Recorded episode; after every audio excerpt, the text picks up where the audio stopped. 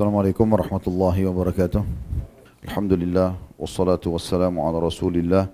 Segala puji dan puja kehadirat Allah Subhanahu wa taala juga salawat dan taslim kepada Nabi besar Muhammad sallallahu alaihi wa ala alihi wa sahbihi wasallam. Menunjukkan pada kita Sahih atau Targhib Tarhib dan kita masih kitab dalam kitab salat sunnah dan bab yang sama bab ke-9 anjuran membaca doa-doa ketika beranjak tidur dan keterangan tentang orang yang tidur namun tidak berzikir kepada Allah taala.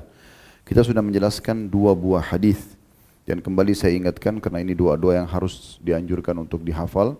Hadis pertama menjelaskan perintah Nabi SAW kepada Arbara ibn Azib radhiyallahu anhu agar pada saat mau tidur beruduk dulu seperti uduk solat kemudian tidur dengan sisi kanan lalu membaca doa Allahumma inni aslamtu nafsi ilaik wa fawwat wa wajjahtu wajhi ilaik wa fawwadtu amri ilaik wa alja'tu dhahri ilaik ragbatan wa rahbatan ilaik la malja'a wa la manja minka illa ilaik amantu bi kitabika alladhi anzalt wa bi nabiyyika alladhi arsalt Artinya ya Allah sungguhnya aku menyerahkan diri kepadamu, aku menghadapkan wajahku kepadamu, aku menyerahkan urusanku kepadamu, aku menyandarkan punggungku kepadamu karena berharap mendapatkan rahmatmu dan takut pada siksamu.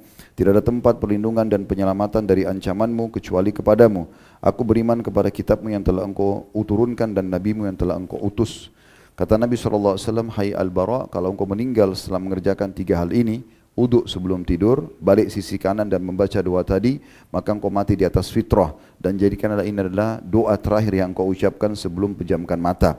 Dan aku mengulangi di hadapan Nabi SAW kata Al-Bara sampai di potongan doa wabi nabiyyik wabi nabiyyika allati arsal dan kepada nabimu yang telah engkau utus maka kata Nabi SAW aku ganti menjadi wabi rasulika allati arsal kata Nabi SAW tidak bacalah wabi nabiyyika allati arsalt Kemudian dalam riwayat yang lain, riwayat Bukhari, kalau engkau meninggal pada malam itu karena mengerjakan tiga hal ini, engkau meninggal di atas fitrah, maksudnya dalam keadaan Islam, dan kalau engkau masih hidup esok harinya pasti kebutuhanmu akan dipenuhi. Kemudian hadis yang kedua, kita telah pelajari bagaimana Fatimah dan dan Ali radhiyallahu anhu diajarkan oleh Nabi sallallahu alaihi wasallam yang bisa memberikan semangat mereka dan menggantikan pembantu setelah seharian beraktivitas dengan membaca sebelum tidur Allahu Akbar 34 kali, Subhanallah 33 kali dan uh, Alhamdulillah 33 kali. Dan sudah kami jelaskan kemarin, ini berbeda sedikit urutannya dengan zikir habis sholat. Kalau habis sholat seperti ini, Subhanallah 33, Alhamdulillah 33, Allah Akbar 33. Atau riwayat lain 34. Tapi kalau mau tidur, itu Allahu Akbar dulu 34, baru tasbih Subhanallah 33 dan uh, Alhamdulillah 33. Hadis yang ketiga yang kita pelajari pada kesempatan ini adalah hadis dengan sanad hasan di ghairihi menjadi hasan karena dikuatkan dengan riwayat-riwayat lain urutan 605 dari awal belajar berbunyi dari Farwa bin Naufal dari bapaknya radhiyallahu anhu menjema'in bahwa Nabi sallallahu alaihi wasallam bersabda kepada Naufal Iqra qul huwallahu qul iqra qul ya ayyuhal kafirun thumma nam ala khatimatiha fa innaha bara'atun minasy-syirk. Bacalah qul ya ayyuhal kafirun lalu tidurlah Begitu kamu selesai membacanya karena ia adalah pembebasan dari syirik. Hadis ini diriwayatkan oleh Abu Dawud dan lafaz ini adalah lafaz miliknya. Juga diriwayatkan oleh Tirmidzi, An-Nasai, serta juga Al-Hakim dan Ibn Hibban menyebutkan dalam sahih keduanya. Riwayat ini menjelaskan kepada kita zikir yang ketiga yang dianjurkan yang disusun oleh Al-Mundiri rahimahullah adalah membaca kuliah ayuhal kafirun setiap kali mau tidur. Dan sudah disebutkan di sini ya ke, keutamaannya adalah orang terlepas dari perbuatan syirik. Bisa bermakna dia akan menutup hidupnya dengan bertauhid kepada Allah karena memang mengikrarkan itu. La a'budu ma ta'budun. Aku tidak akan menyembah apa yang kalian sembah. Ini berarti mentauhidkan Allah Subhanahu wa taala, tidak menyembah apa pun yang disembah oleh selain kaum muslimin atau orang-orang kafir. Maka ini berarti mereka membersihkan dirinya sebelum tidur dengan kesyirikan atau memastikan kalau mereka dalam keadaan tauhid. Sisi yang lain juga bisa bermakna memang Allah akan memaafkan bila memang dia memiliki perbuatan syirik yang dia tidak sengaja tuh. Kalau sengaja harus butuh taubat nasuha. Ini masuk juga dalam makna hadis ini. Hadis yang keempat yang kita pelajari pada kesempatan ini adalah dengan sanad sahih urutan 606 dari awal belajar berbunyi dari Abdullah bin Amr radhiyallahu anhu dari Nabi sallallahu alaihi wasallam beliau bersabda khaslatani aw khullatani la yuhafidhu alaihima 'abdun muslim illa dakhala al-jannah هما يسير ومن يعمل بهما قليل يسبه في دبر كل صلاة عشرة ويحمد عشرة ويكبر عشرة فذلك خمسون ومائة باللسان وألف وخمسمائة في الميزان ويكبر أربعا وثلاثين إذا أخذ مجعها ويحمده ثلاث ويحمد ثلاثا وثلاثين ويسبه ثلاثا وثلاثين فتلك مئة باللسان مئة باللسان وألف في الميزان فلقد رأيت رسول الله صلى الله عليه وسلم يعقدها قالوا يا رسول الله كيف هما يسير؟ ومن يعمل بهما قليل. قال يأتي أحدكم يعني الشيطان في منامه فينومه قبل أن يقوله ويأتيه في صلاة فيذكره حاجة قبل أن يقولها. Hadis ini hadis sahih diriwayatkan oleh Abu Daud. Terjemahannya, kata Nabi SAW ada dua perkara atau dua sifat yang tidaklah seorang muslim menjaga kecuali pasti dia masuk dalam surga. Keduanya mudah, tapi orang yang mengamalkannya sangat sedikit. Yaitu yang pertama, bertasbih setiap kali selesai sholat sepuluh kali, bertahmid sepuluh kali, dan bertakbir sepuluh kali. Itu berjumlah 150 di lisan dan 1500 dalam timbangan.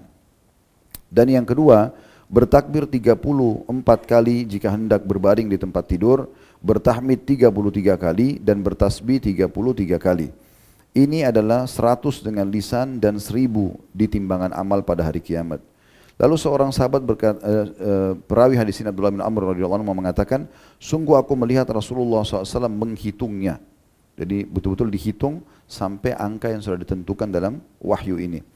Lalu mereka mengatakan, ya Rasulullah, bagaimana anda bisa mengatakan bahwasanya amalan ini mudah, tapi sedikit yang mengamalkannya? Kata Nabi SAW, syaitan datang kepada salah seorang dari kalian ketika hendak tidur. Maka syaitan menidurkannya sebelum dia mengucapkan tadi takbir 34 kali, tahmid 33 dan tasbih 33. Dan syaitan pun mendatangi dalam solatnya maka dia mengingatkannya dengan suatu hajat sebelum dia mengucapkannya. Maksudnya sebelum zikir 10 kali subhanallah, alhamdulillah, Allah akbar, masing-masing 10 kali setelah solat, ini juga dibuat lalai sehingga hanya tidak sempat dibaca. Kemudian di dalam riwayat Ibn Hibban dia menambahkan setelah sabda Nabi SAW 1500 dalam timbangan, Rasulullah SAW bersabda, Wa ayyukum ya'malu fil yawmi wal layla alfaini wa khamsumiyati sayyah. Siapakah di antara kalian yang melakukan 2500 dosa dalam sehari semalam? Riwayat ini teman-teman sekalian memberikan pelajaran kepada kita. Yang pertama, ada zikir yang sangat dianjurkan sebelum tidur dan ini zikir yang keempat menurut urutan Al-Mundiri di sini dari kitabnya yaitu membaca Allahu Akbar 33, 34 kali sebelum tidur, kemudian Subhanallah 33 kali dan Alhamdulillah 33 kali. Dan ini dinilai oleh Nabi alaihi salatu itu nilainya 100 di ucapan lisan, kemudian 1000 di timbangan amal, dan Rasulullah SAW selalu menjaganya. Ini pelajaran yang pertama. Jadi jangan sampai luput membaca zikir seperti ini. Kemudian pelajaran yang kedua, habis sholat ada pilihan untuk membaca jumlah tasbih, tahmid dan takbir ini. Kalau riwayat ini menjelaskan 10 kali subhanallah, 10 kali alhamdulillah, 10 kali Allah akbar. Dan ulama hadis mengatakan ini jumlah minimalnya. Kalau orang buru-buru sekali dia baca 10 kali. Tapi kalau dia mau sempurnakan maka dia baca sebagaimana hadis-hadis yang sudah kita ketahui. Siapa yang membaca subhanallah 33 selepas sholat, alhamdulillah 33, Allah akbar 33 atau 34 dalam beberapa riwayat maka dan dia lengkapkan seratusnya la ilallah wahdahu la syarika la lahul mulku wa hamdu wa huwa ala kulli syai'in qadir akan diampuni dosanya walaupun sebanyak bui di lautan. Maka minimalnya 10-10 kali seperti hadis ini dan bisa dibaca sampai 33 kali sebagaimana riwayat sudah kami sampaikan tadi. Dan kalau kita baca zikir habis sholat ini akan mendapatkan ya, di sini dikatakan wa khamsu wa khamsuna wa mi'ah. Ya. Artinya 150 dengan lisan dan 1500 di timbangan amal. Artinya kalau digabung dua waktu ini, membaca selepas sholat, kita akan mendapatkan 1500 pahala di timbangan amal. Kemudian kalau mau tidur mendapatkan 1000, kalau digabung berarti menjadi 2500 zikir. Maka kata Nabi SAW di riwayat Ibn Hibban, lalu siapa di antara kalian yang akan membuat dosa di harinya 2500 dosa? Maksudnya zikir-zikir ini akan membersihkan dosa-dosa. Dan dengan digabungkan dua jenis zikir ini, dua waktu ini, selepas salat dan mau tidur baca tadi tasbih, takbir dan tahmid, ini bernilai 2500 dan kalau ada orang buat dosa tidak akan mencapai 2500 dalam sehari semalam. Maksudnya ini sudah cukup untuk menutupi kesalahan-kesalahan kita pada hari tersebut. Ini yang kita bahas, semoga bermanfaat insya Allah dan kita akan lanjutkan nanti di pertemuan datang hadis kelima berhubungan dengan bahasan yang sama. Subhanakallahumma bihamdika asyhadu an la ilaha illa anta astaghfiruka wa atubu ilaik. Wassalamualaikum warahmatullahi wabarakatuh.